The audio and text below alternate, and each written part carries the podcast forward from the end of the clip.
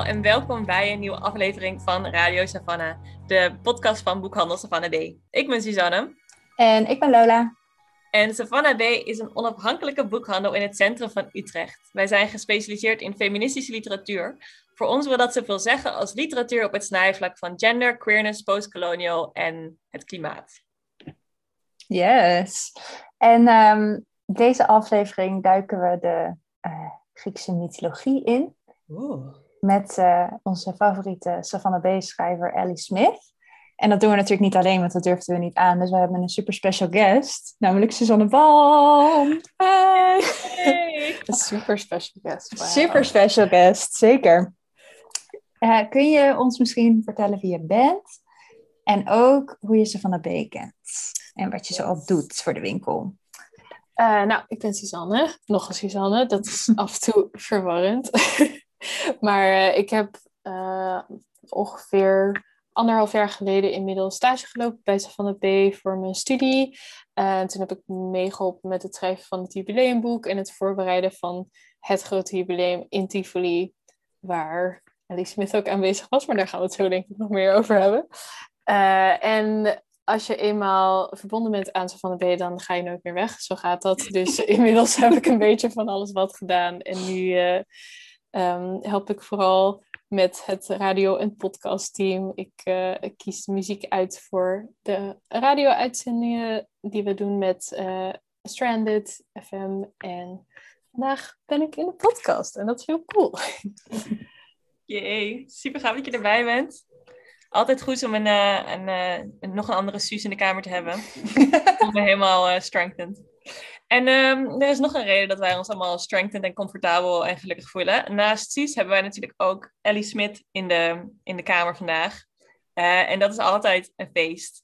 Misschien als je Ellie Smit niet kent. Zij is een Schotse schrijfster die ontzettend veel boeken en korte verhalen en teksten heeft geschreven. Zij is momenteel waarschijnlijk het bekendste van het uh, seizoenenkwartet dat zij begonnen te schrijven is in 2016. Dus schreef ze ieder jaar, schreef ze voor één seizoen, uh, kwam er een nieuw boek uit. Ze begon met herfst, toen winter, toen lente en toen vorig jaar zomer. Uh, die er ons met uh, licht hysterisch enthousiasme heeft onthaald en besproken in de podcast. En Ellie Smit is ook de eerste terugkerende schrijver in onze podcast, Lola, bedacht ik me net. Wauw, wat een mijlpaal. Ja. ja. Kan natuurlijk ook niet anders. Dat ja, wie anders, inderdaad. Ja, want uh, Ellie Smith, voor wie wel eens in Savannah B is geweest, en ik hoop dat iedereen die dit luistert wel eens is geweest, is ook degene van wie de quote is die bij ons op de muur hangt. There was once, I said, a story told by way of other stories. Uh, dat hangt uh, al een paar jaar bij ons aan de muur te shinen. En dat maakt Ellie Smith toch wel een klein beetje een soort van beschermheilige van Savannah B. Dus iedere keer dat we het over haar kunnen hebben is uh, feest. Zeker. Ja. Want ze, ze, heeft niet ooit alleen maar een keer een hele mooie openingszin geschreven. Ze heeft dus een heel oeuvre met allemaal prachtig literair werk. Uh, waar heel veel ruimte en aandacht ook is voor verschillende soorten liefde en genderidentiteiten. Uh, op ons plankje met, met Ellie Smit verhalen. En um, we bespreken vandaag dus um, een werk wat ze eigenlijk schreef in het kader van een, uh, ja, een uitgeversproject, zeg maar waar we zo meteen meer over gaan vertellen. En ik denk een hele fijne instap, Ellie Smit, denk ik zelf. Ik weet niet wat jullie daarvan denken, maar ik heb het idee, het is ook een beetje een dun boekje. En het is, je, het is vrij toegankelijk. Soms is Ellie Smit ook wel een beetje dat mensen denken van, oh jee, dat is een beetje literair of net een ander soort stemgeluid dan ik gewend bent. Je moet soms even misschien, als die eerste Ellie Smit is, door het eerste hoofdstuk heen. Maar dit boek is zo liefdevol en vrolijk en lichthartig en liefdevol Twee keer zei ik liefdevol, want het is heel liefdevol. en dus je kan er volgens mij... Is het een hele goede Elisabeth om mee te beginnen ook? Dit was het eerste boek wat ik van haar las. En het pakt je echt vanaf het begin. Wat jij zegt, het is zo ga ik het ook zeggen, het is een heel liefdevol boek. Dat is gewoon zo. En dat, dat spreekt uit elke zin. En uh, het is niet zo lang, maar wel een heel, eigenlijk heel groot, maar ook tegelijkertijd heel klein verhaal. Ik vond het een hele goede instap, Ellie Smith. Dus dat kan ik aanraden. Ik raad hem ook aan al mijn vrienden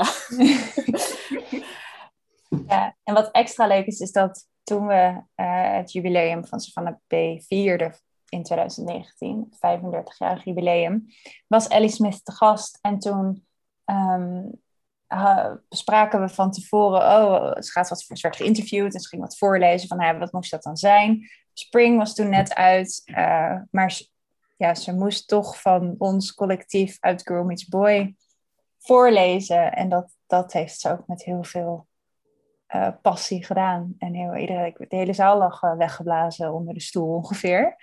Um, dus dit, dit boek heeft wel een heel speciaal plekje in heel veel Savannah B. harten. Ik heb hem ook op die avond gekocht. En toen heeft ze volgens mij de halve Savannah B. crew uh, er handtekening gegeven. In dit boek ook. hey, en uh, Suzanne en Lola, wat heeft ze dan in jullie boek geschreven? Ja, iets heel liefs. Wat ik nu niet meer helemaal kan ontcijferen. Um, maar dat is niet erg. Ik weet dat het heel lief was. Ik heb, uh, ik denk dat ik heb voor Lola with en dan iets en dan happiest. Oh. Wat eigenlijk wel heel schattig is. Voor Lola with happiest. Ja, misschien is het, want bij mij is iets soortgelijks, dus misschien kunnen we dit ontcijferen zo. bij mij zegt ze voor Susanne, with all my best wishes to you here in Utrecht at or on the 6th November 2019. En dan hmm. tekening. Helpt nou, dat? Uh, best een compleet verhaal. Ongeveer, ja. ja. Wil je nog even heel snel voorlezen wat ze voor jou heeft geschreven, Sus? In een ja, ander dus boek? De grote reden dat ik het vraag natuurlijk, omdat ik even kan flexen dat ik dus zo slim ben geweest. Om toen ze dus zij wat opschreef, om het toen zelf ook nog een papiertje op te schrijven en dat in mijn boek te bewaren. Dus ik heb gewoon in mijn eigen handschrift nog. Briljant. Ja, echt. Wat een genius move dit. Dank u, dank u. en ze schreef bij mij dus, voor Susanna, I hope you never stop reading. We are what we read and every story is full of life. Ellie. Zo lief. Oh, die is wel de beste. Ja. Ja, dus ehm, de, de liefde van de vrouw zelf en haar boeken. En uh, als we over haar praten, kunnen we ook niet meer stoppen met glimlachen. Ellie Smit en Savannah B. for Life. Ja, echt hoor. Nou, mocht je nog denken, goh, waar hebben die mensen het over? We lezen deze keer dus uh, Girl Meets Boy van Ellie Smith. Dat is een uh, boek dat is uitgegeven door Canongate in 2007. En het is onderdeel van een serie, die heet The Myths, de mythen.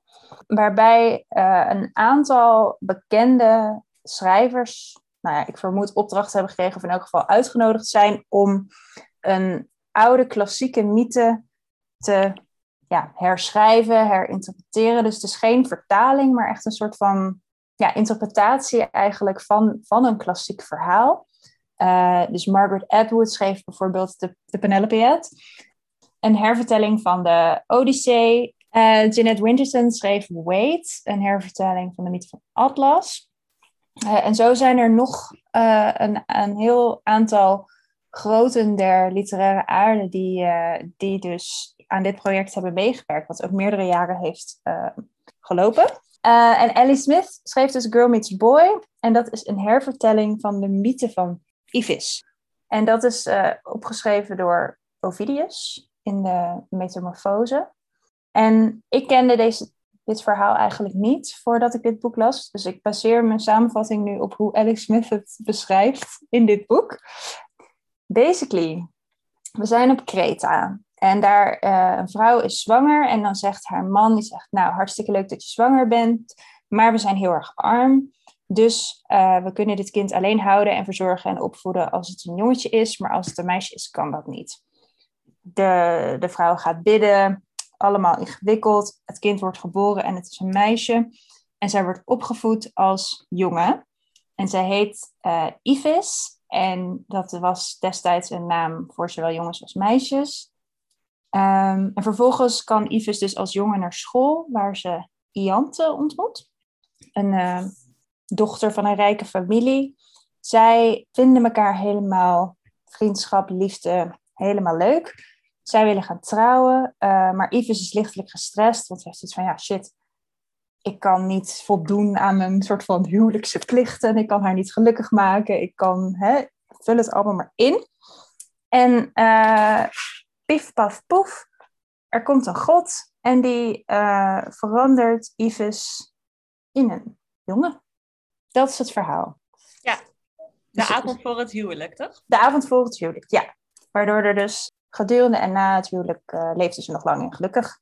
Ga ik dan maar even vanuit basis van dit boek. Dat hoop je dan. Ja. Dus dat verhaal van Ovidius ligt aan de basis van dit boek, Girl Meets Boy. Dus wat um, Ellie hier heeft gedaan, die heeft um, uit de hele metamorfose, want volgens mij zijn dat ontzettend veel verhalen die Ovidius schreef, heeft ze zelf, ze schrijft in het nauwwoord, het vrolijkste, de vrolijkste metamorfose gekozen. en die heeft ze hier herverteld. En ze heeft heel erg ingestoken op dat idee van de metamorfose in termen van gender. Praktisch gezien uh, is het verhaal van uh, twee zussen, Anthea en Imogen. Uh, die samen opgroeien. Ze krijgen wat scènes uit hun, kinder, uit hun kindertijd. en daarna krijgen we eigenlijk in vier of vijf verschillende delen van het boek wisselend het perspectief van de een en de andere zus. Um, Imogen groeit op tot ja, een, een PR-vrouw die in het creatieve marketingteam zit van een bedrijf dat water zo duur mogelijk en zo exclusief mogelijk probeert te verkopen en te, en te verspreiden. Um, en daar een soort van zelfwaarde, eigenwaarde uit haalt. En Anthea, die op een gegeven moment terug verhuist naar de ouderlijk huis, en dus bij de zus Imogen komt wonen, um, die veel meer zoekende is naar wat het leven betekent, wat haar plek daarin is. En ook terechtkomt in datzelfde bedrijf, maar gelijk al aanvoelt dat er hier iets ontzettend mis is. En uh, het komt tot een confrontatie is een groot woord, maar een belangrijk punt wat er gebeurt in hun leven is dat um, Anthea ontmoet iemand die op de ladder staat het gebouw te bekladden, waar dus water zo exclusief mogelijk verkocht wordt. Omdat water is natuurlijk een mensenrecht en niet iets waar we domme mensen geld voor moeten gaan betalen. En wie ze daar tegenkomt is Robin, die ze ontmoet als jongen um, en daarna achterkomt uh, dat het uh, uh, een meisje is. Ze worden samen verliefd. Zij gaan samen het activistische pad op. Zij gaan samen de wereld, of in ieder geval de, de omgeving waarin zij wonen, bewust maken van wat hier gebeurt en hoe er met water wordt omgegaan. Terwijl zij zelf ontzettend verliefd op elkaar worden en een ontzettend lieve, mooie soort van versmelting meemaken. Met een prachtige seksscène in het midden van dit boek, die Ellie Smit geweldig heeft voorgelezen op een jubileumfeest. En um, de zus Imogen zelf uh, maakt een mooie ontwikkeling door, waarbij zij tot inzicht komt uh, over de structuren waar zij terecht is gekomen, hoe verstikkend dit zijn en hoe bevrijdend het is als je jezelf toestaat om daaruit los te barsten en de, de liefde te omarmen en uh, het leven te omarmen. Hoera, hoera, met een mooie bruiloftscène uh, op het einde. Nou dachten wij, voordat we echt het boek induiken, is het misschien goed om heel eventjes een beetje in te gaan op dat idee van een hervertelling van een oude mythe. Hoe een, een nieuw verhaal zoals dit weer ander licht kan schijnen op zo'n oud verhaal of aan andere draadjes uit dat verhaal kan plukken. En ja, wie beter om daar mee te kletsen, daarover te kletsen, uh, is uh, Suzanne Palm klassieke hervertelling-expert bij van B. Oh god. Ja, dit is, dit is nu je... Oh shit, dit is nu mijn rol. dit is je rol. Um, want jij hebt onderzoek gedaan, niet naar dit boek, maar wel naar een ander boek in de serie, namelijk de Penelope van Margaret Atwood.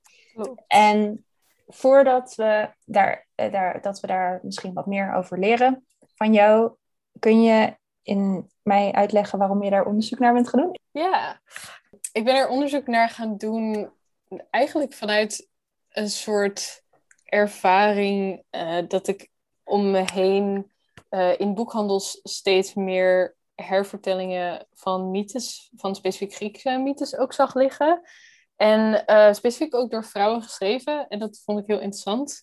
Um, ik dacht, is dit misschien al langer gaande en valt het me gewoon nu pas op? Of wat, wat is daarmee? Maar het is wel echt een, een, een fenomeen van de laatste, nou, misschien tien jaar of zo. Dat specifiek ook hervertellingen van Griekse mythes door vrouwen ook meer erkenning krijgen. Dus je ziet het ook in de grote literatuurprijzen, zie je heel veel van dat soort verhalen terugkomen. En uiteindelijk heb ik dus heel erg ingezoomd op één boek, maar dat kwam wel uit een soort nieuwsgierigheid naar het waarom en waarom nu en waarom vrouwen en waarom Griekse mythes en hoe komt dat allemaal bij elkaar uh, in, in onze tijd, zeg maar. Ja, want de, de Penelope uit waar jij op focust was een hervertelling van de Odyssee vanuit het perspectief van zijn vrouw Penelope. Is dat? Ja, uh... klopt. Ja, ja. Nou ja, de naam zegt het eigenlijk al. Ja, precies. Dus dat is, dit is best wel een, um, misschien wel wat je soort van zou verwachten uh, bij het idee van een hervertelling specifiek over vrouwen en door vrouwen. Um, um, ja, eigenlijk ook een beetje vanuit het uh, feministische idee dat heel veel verhalen zijn weggestopt of, of vernietigd of wat dan ook. En dat, dat we die eigenlijk willen terughalen. Uh, dus haar hervertelling is echt vanuit een ander perspectief. Wel echt hetzelfde verhaal, maar dan vanuit een ander perspectief, zeg maar. En in uh, klassieke Margaret Atwood fashion ontspoort het dan helemaal aan het einde en gaat ze allemaal gekke meta-dingen doen. En daarin is uh, Girl Meets Boy wel echt heel anders. Maar daar gaan we het zo meteen nog wel over hebben, denk ik. Maar dat is wel heel leuk om te zien. Dat het dus wel onderdeel is van hetzelfde project. En eigenlijk best wel binnen een niche ligt, denk je. Uh, maar dat auteurs daar toch zulke verschillende dingen mee doen. Mm. Want dat idee inderdaad van een Griekse mythe hervertellen vanuit een vrouwelijk perspectief was bijvoorbeeld ook in uh, het boek van Pat Barker, The Silence of the Girls, De Stilte van ja. de Meisjes. Ja, ik, we kunnen nog veel meer, we hadden uh, voorbeelden denk ik opnoemen. Um, mm-hmm. we, we, hadden het net al kort even over de boeken van Madeleine Miller, Cersei. Ja. Song of Achilles. Ja, Song of Achilles, wat meer ingaat ook op, op queerness.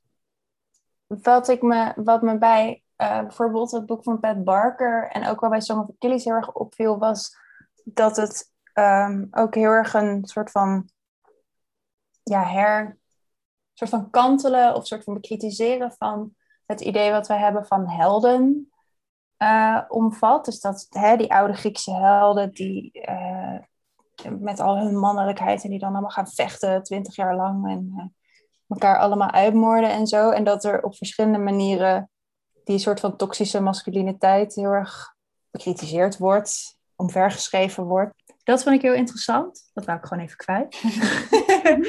en ik vroeg me af of een van jullie een idee heeft waar dit vandaan komt, die interesse weer in deze verhalen. Is het een, een dat is ergens begonnen uh, en dat, dat is misschien moeilijk terug te rijden. Maar ja, het ik vind het altijd interessant als er zo'n ompleving is aan een bepaald thema of een bepaalde focus in, in het literaire landschap.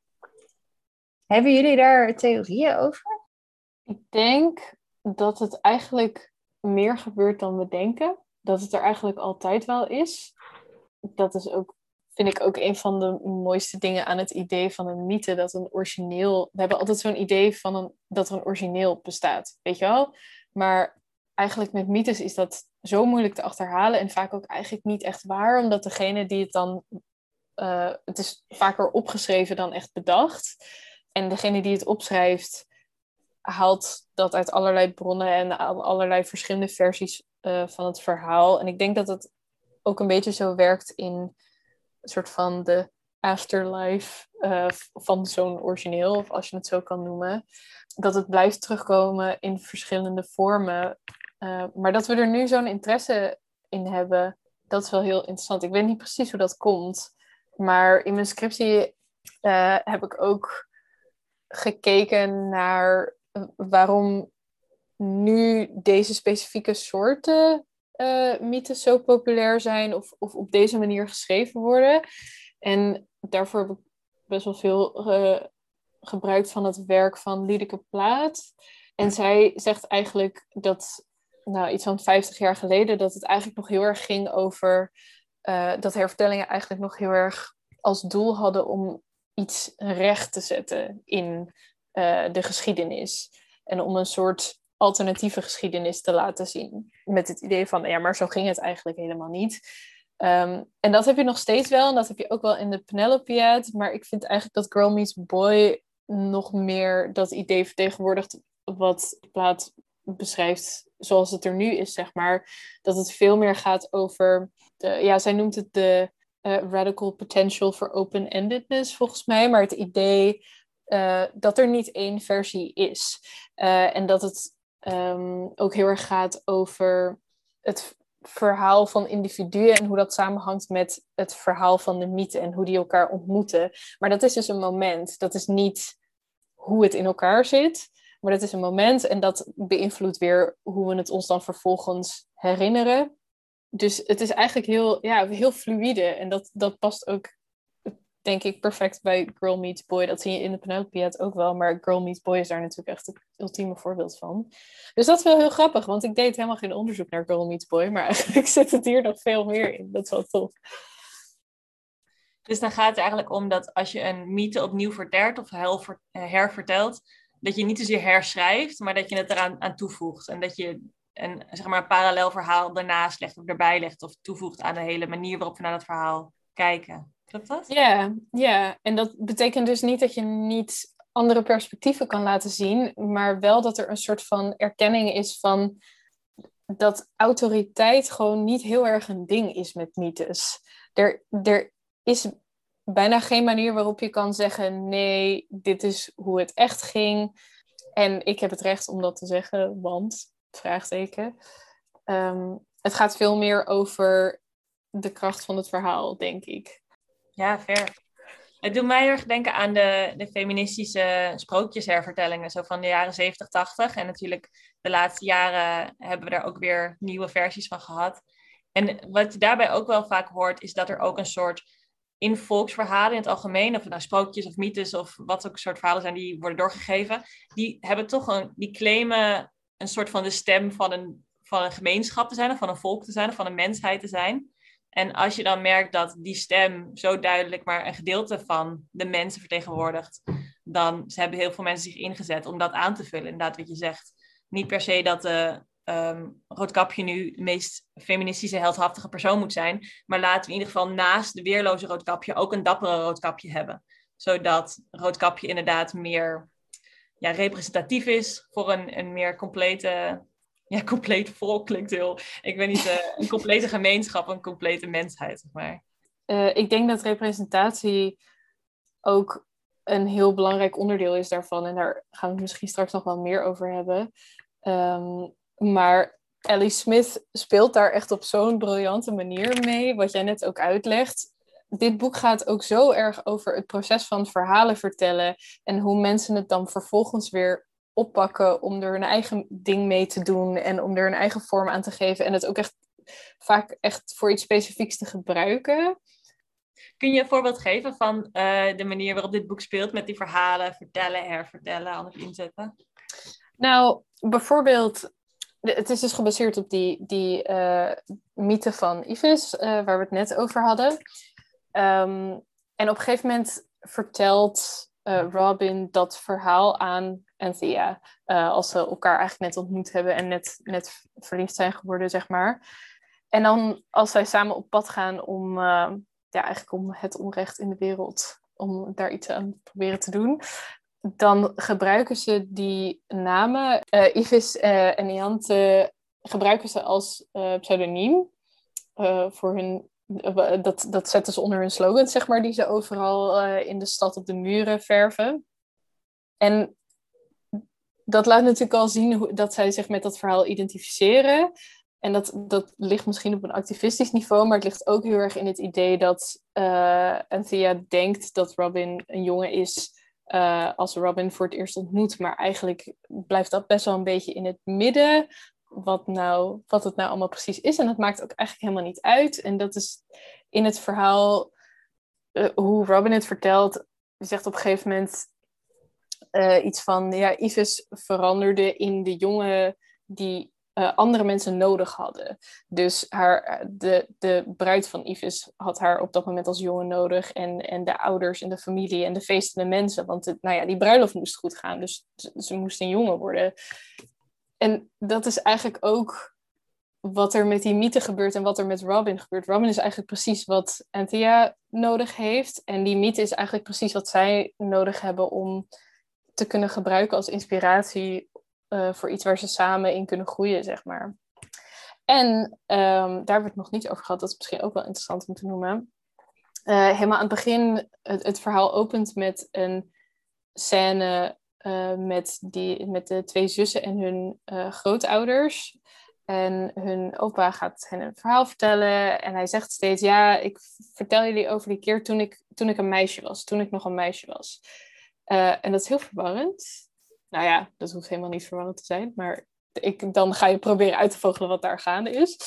Um, en toen dacht ik later opeens: Misschien zijn zij ook wel een soort versie van uh, en uh, Jante, die, die, die, grootouders, zeg maar. Dat die opa toen een meisje was, maar veranderd is. Of, of dat nou door een godheid is of door iets anders, dat maakt natuurlijk helemaal niet uit. Maar het is dezelfde versie van het verhaal die zich blijft herhalen. Zeg maar.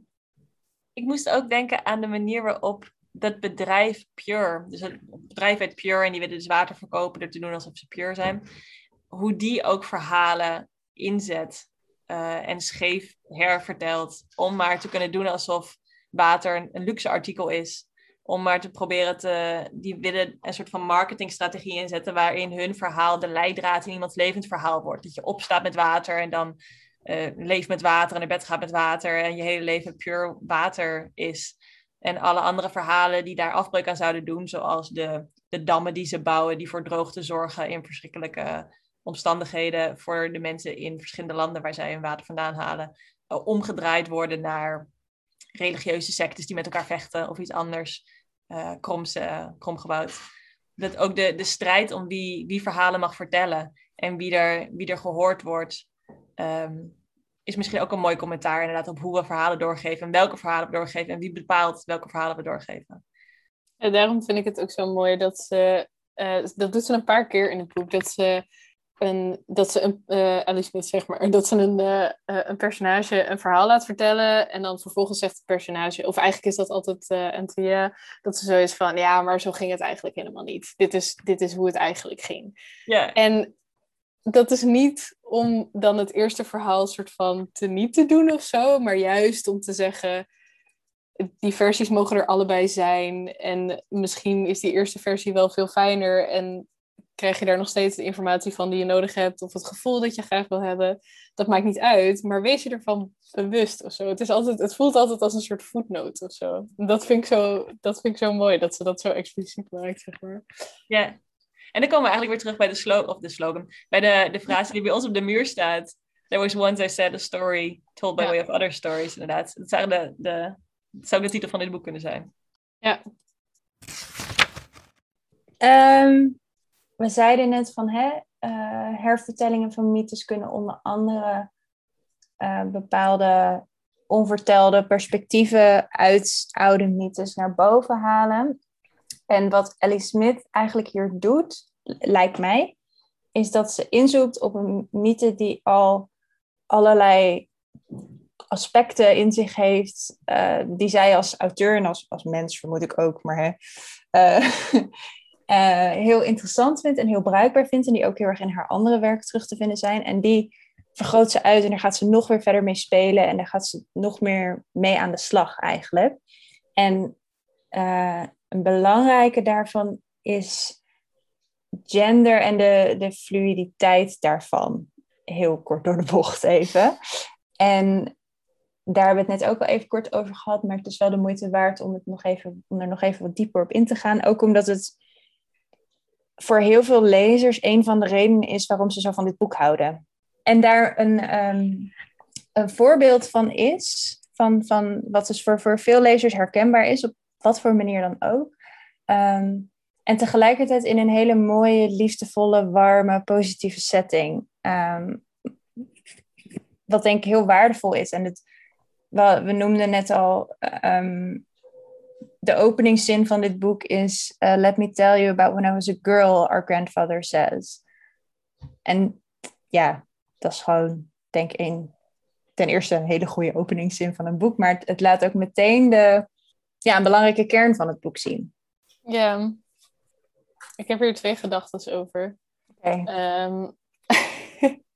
ehm, is dat ik. Nee, drie gedachten. De eerste is dat ik. Toen ik dit voor het eerst las, was ik echt blown away. Ik had echt nog nooit zoiets gelezen. Fluiditeit is gewoon eigenlijk het enige woord om, wat, wat voelt alsof het het pakt, omdat het het juist niet omschrijft, weet je wel? Omdat het juist heel veel dingen tegelijk kan betekenen.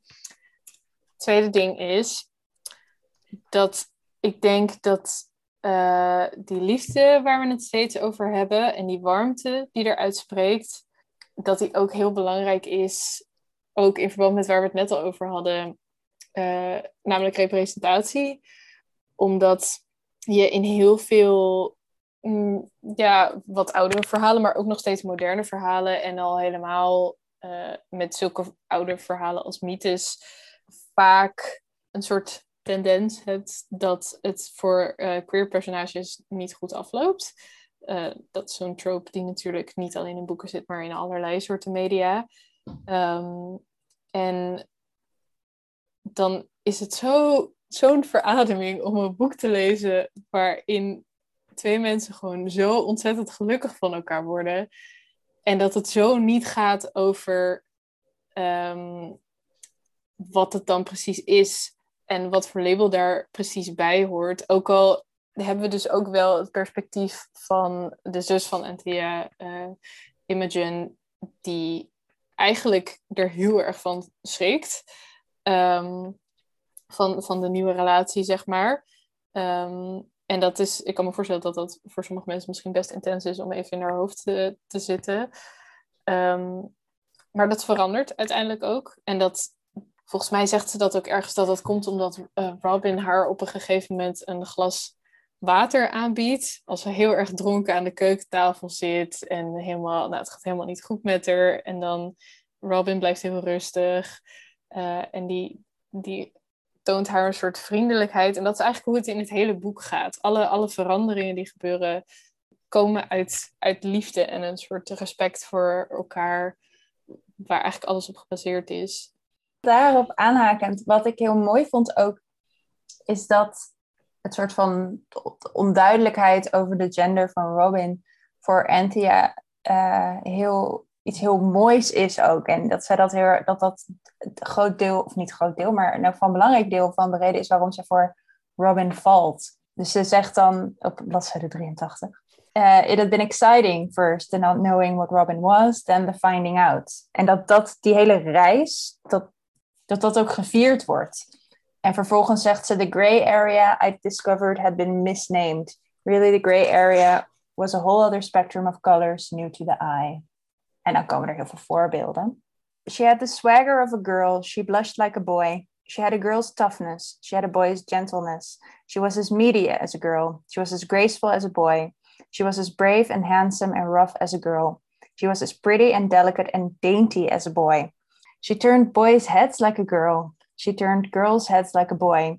She made love like a boy. She made love like a girl.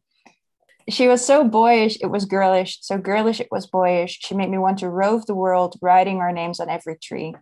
I had simply never found anyone so right. Sometimes this shocked me so much I was unable to speak. Sometimes when I looked at her, I had to look away. Already she was like no one else to me. Already she was fearful I would go. I was used to people being snatched away. I was used to, to the changes that came out of the blue.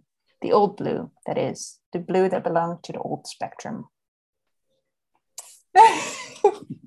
We zitten helemaal te zwijmelen hier. Ja. wat ik wel heel interessant vind hieraan, wat ook toevallig mijn derde ding was. Oh. Uh, dus het is goed dat je hem voorleest, maar is dat het. Want het boek gaat heel erg over dingen die zich uh, vermengen vooroordelen, categorieën die in ons hoofd zitten, dat die eigenlijk helemaal niet zo um, los van elkaar staan als we misschien denken, maar daarin blijft het nog best wel binair. Dus het is heel erg oké, boys en girls en alles wat daarbij hoort, dat kan ook andersom zijn. Dus het gaat wel over de ruimte daartussen, maar er zijn bijvoorbeeld niet, uh, er staan bijvoorbeeld geen they them pronouns in, voor zover ik me kan herinneren. Um, en Robin is eigenlijk is zelf heel fluide, uh, zoals ook uit die beschrijving blijkt, zeg maar. Maar uh, toch wordt voor Robin altijd uh, she-her gebruikt. en bijvoorbeeld met het voorbeeld van de, van de grandfather ook. gaat het over vroeger, toen grandpa nog een, een meisje was, zeg maar. Um, ja, ik weet niet. Hebben jullie daar gedachten over? Dat viel me op. Het, het is natuurlijk ook niet zo dat als je non-binair bent, dat je dan alleen maar uh, they pronouns kan gebruiken. Dus het, het kan, um, ja, dat, dat hoeft natuurlijk helemaal niet zo te zijn. Nee, ehm, fluiditeit um, kan zich natuurlijk op heel veel manieren. Op allerlei manieren. Maar het was wel interessant dat het miste, omdat je het bijna zou verwachten. Nou, ik had dus het idee, omdat het een, een hervertelling is van de metamorfose, metamorfose is van één staat in een andere staat. En speelt wel ook met de, wat er tussen die twee vaste stadia zit. Maar ik denk door wel binaire gendertaalgebruik te blijven hanteren, kan je meer spelen met dat idee, denk ik, van een metamorfose. En hoe dat er in een moderne genderqueer context uit zou kunnen zien. Nee, maar het is wel een goed punt, inderdaad toen ik het verhaal, uh, het boek begin te lezen, het heet natuurlijk ook Girl Meets Boy, en de openingszin die we al een paar keer hebben genoemd, denk je, oké, er is hier een soort spanning, we gaan dit verkennen. En uh, misschien als je niet weet wie Ellie Smith is, dan denk je, oké, we gaan een soort, uh, we, ja, we gaan dit beter begrijpen of zo. Of we gaan dit uitzoeken. en dat is heel erg niet wat het is. Wij helemaal lachen. En, en dat, dat loslaten. Want ik moest dus ook achteraf, toen we hier net over gingen praten, toen dacht ik ook, oh, even pronouns opzoeken inderdaad. Want ik had ook in mijn hoofd over Robin, she, her. Maar dat paste eigenlijk niet misschien bij het verhaal, zoals ik het zou, zou hervertellen. Um, maar het is misschien ook juist dat idee van dat we... Ik bedoel, het loslaten van het oplossen, loslaten van, oh, als we deze woorden hiervoor kunnen gebruiken, dan hebben we het vastgelegd, dan weten we over wat voor genderidentiteit we het hebben. Uh, om ook de ruimte die Ellie Smit vindt in de taal, om die ook, om je daar te laten inspireren en je laten, laten mee te voeren, is denk ik zo'n beetje wat ik wil zeggen. De literatuurstudent in mij wil nu echt heel graag een quote daaraan toevoegen. Mag dat? Mag ter gewoonte. Um, dit is helemaal het einde. Dus als je dit niet wil horen, skip 10 seconden verder en dan weet je het nog niet. Uh, uh, en Thea vertelt over een uh, trouwscène. En dan zegt ze op een gegeven moment: Oké, dit is niet hoe het gegaan is. Ik zal je vertellen hoe het wel gegaan is. En dan zegt ze: um, What I mean is, we stood on the bank of the river under the trees, the pair of us, and we promised the nothing that was there, the, the nothing that made us, the nothing that was listening, that we truly desired to go beyond ourselves. And that's the message. That's it. That's all. Uh, en ik denk dat dat heel erg laat zien wat jij net beschreef, Susanne. Dat het gaat om iets groter dan wij of iets verder dan wij. Ze schrijft ook, ze schrijft ook niet ourselves aan elkaar, maar ze schrijft het los. Dus zeg maar onze zel zelven. dus onze uh, individualiteit eigenlijk. En, en dat heeft natuurlijk ook heel erg uh, te maken met taal en, en waar we dat invangen, zeg maar. Um, en wat Ellie Smith dus doet, is daar voorbij gaan en laten zien dat er zoveel meer is. Ja, supermooi, thanks. Het is echt een heel mooi boek. het is echt een heel mooi boek. Nou kunnen we het niet over Girl Meets Boy hebben zonder dat we het over, ik denk voor veel mensen hun favoriete scène uit het boek hebben. Uh, de scène die door Ellie Smith herself is voorgelezen op, ons jubileum.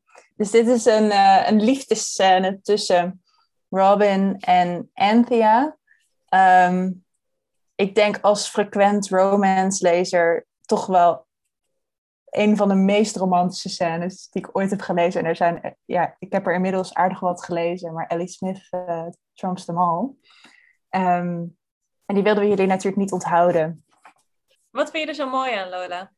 Nou, ik zat, ik zat te denken aan, aan dit boek en dat het zo moeilijk is om te vertellen waar het over gaat. En dat als, zodra ik het boek dichtsla, dat, dat ik dan denk, ja, dat was heel mooi, maar wat heb ik nou eigenlijk gelezen? En dit vind ik een van de scènes die dat een soort van omvat. Dat je zo, ik ga nu iets heel corny zeggen, maar het is wel echt waar, maar zo in het moment met dit boek zit en met dit verhaal en met deze taal. Ehm, dit vind ik, deze scène daar echt een voorbeeld van. Het is ook deels een beetje wat, wat liefde en misschien het verlengen daarvan seks ook is. Dat op het moment zelf is het geweldig en achteraf kan je niet goed zeggen waarom, wat het, wat het is of wat er gebeurde of wat er aan de hand was. Je weet alleen maar dat het mooi was. Ja, ja. Ik vind het zo mooi dat het seks en verliefdheid zo romantiseert. Maar echt bijna tot in het extreme. Maar wel op een manier dat je denkt, ja, waarom ook niet? Waarom doen we dat niet allemaal de hele tijd? Want het kan en het kan dingen zoveel mooier maken. Hij is een beetje lang, maar dat maakt niet uit. Dus doe lekker allemaal, haal even diep adem, ga er even voor zitten en uh, laten we over je heen komen. Zwijmel met ons mee. We were tangled in each other's arms so that I wasn't sure whose hand that was by my head. Was it hers or mine? I moved my hand. The hand by my head didn't move. She saw me looking at it. It's yours, she said. I mean, it's on the end of my arm, but it's yours. So is the arm, so is the shoulder, so is everything else it's connected to. Her hand opened me. Then her hand became a wing. Then everything about me became a wing, a single wing, and she was the other wing. We were a bird. We were a bird that could sing Mozart. It was a music I recognized. It was both deep and light. Then it changed into a music I'd never heard before, so new to me that it made me airborne. I was nothing but the notes she was playing, held in air. Then I saw her smile so close to my eyes that there was nothing to see but the smile. And the thought came into my head that I'd never been inside a smile before. Who'd have thought being inside a smile would be so ancient and so modern both at once? Her beautiful head was down at my breast. She caught me between her teeth just once. She put the nip into nipple like the cup of like the cup of a foxwood. Down we went. No wonder they call it an earth. It was loamy. It was good. It was what good meant. It was earthy. It was what earth meant. It was the underground of everything, the kind of soil that cleans things. Was that her tongue? Was that what they meant when they said flames had tongues? Was I melting? Would I melt? Was I gold? Was I magnesium? Was I briny? Were my whole insides a piece of sea? Was I nothing but salty water with a mind of its own? Was I some kind of fountain? Was I the force of water through stone? I was hard, all right. And then I was sinew. I was a snake. I changed stone to snake in three simple moves stoke, stake, snake. Then I was a tree whose branches were all budded nuts. And what were those felty buds? Were they antlers? Were antlers really growing out of both of us? Was my whole front furring over? And were we the same pelt? Were our hands black shining hoofs? Were we kicking? Were we bitten? Were our heads locked into each other to the death till we broke open? I was a she, was a he, was a we, were a girl and a girl and a boy and a boy. We were blades, were a knife that could cut through myth, were two knives thrown by a magician, were arrows fired by a god. We hit heart, we hit home. We were the tail of a fish, were the reek of a cat, were the beak of a bird, were the feather that mastered gravity, were high above every landscape, then down deep in the purple haze of the heather, were roaming in a gloaming, in a brash, unending Scottish piece of perfect jiggling, reeling, reel. Can we really keep this up? This fast, this high, this happy? Round again, another notch higher.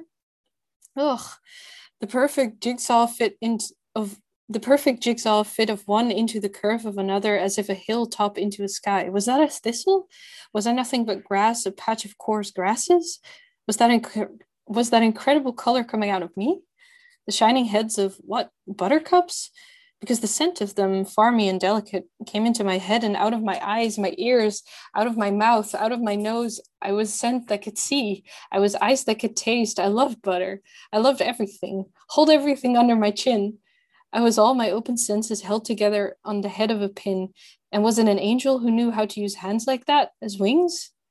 We were all that in the space of about 10 minutes. Who? Ja, Yay. een meesterwerk in zichzelf. Misschien iets om nog als laatste te zeggen is maak je vooral niet druk om wat het allemaal betekent als je dit gaat lezen. Laat het over je heen komen. En dat doet het ook echt wel, of je dat nou wil of niet. Het duurt niet lang. Lees hem vooral in één keer uit als je er tijd voor hebt. En laat het je gewoon overkomen, denk ik. Want wij hebben er nu van alles over gezegd, maar dat hebben we ook allemaal uh, bedacht nadat we hem twee keer gelezen hadden. dus misschien maak je er zelf wel weer iets heel anders van. Maar volgens mij is dat ook de bedoeling van mythes. Dus. Ja, goeie. Hiermee komen we aan het einde van deze aflevering van uh, Radio Savannah. Uh, voordat we zo meteen onze huishoudelijke mededeling uh, rondgooien, eerst even Susanne, super bedankt dat je erbij was. Ja, dankjewel voor de uitnodiging. Het is echt een grote eer. Oh, dankjewel dat je er was. Zeker. En met je mooie ideeën en interpretaties in je voorleeskunsten. Dat was een feestje. Susan, kunnen de mensen jou ook uh, volgen online? Of is er nog iets wat je ze mee wil geven voordat we afsluiten? Um, ik doe niet echt interessante dingen online. Maar als je met me wil komen praten over mythes en Ellie Smith en andere gezellige feministische dingen, dan vind ik dat altijd leuk. Uh, ik ben het op Instagram. En dan vind je me daar ergens wel. Wij bedanken zoals altijd uh, Blom voor het maken van ons logo. Wat we nog steeds uh, met heel veel plezier en liefde en dank gebruiken. Wij bedanken Goofloops voor het uitlenen van zijn nummer Zone, wat je als onze intro en outro muziek hoort. Vergeet niet, als je deze aflevering leuk vond en verder wil kletsen over mythen en boeken en Ellie en uh, andere leuke dingen, om dat met ons te doen op alle socials van Boekwinkels van de B. Als je de hashtag Radio Savannah gebruikt, dan uh, vinden we je geheid. En uh, dan kunnen we lekker kletsen. En dan zijn we volgende week weer met eh, fantastische aflevering. Tot dan! Dag!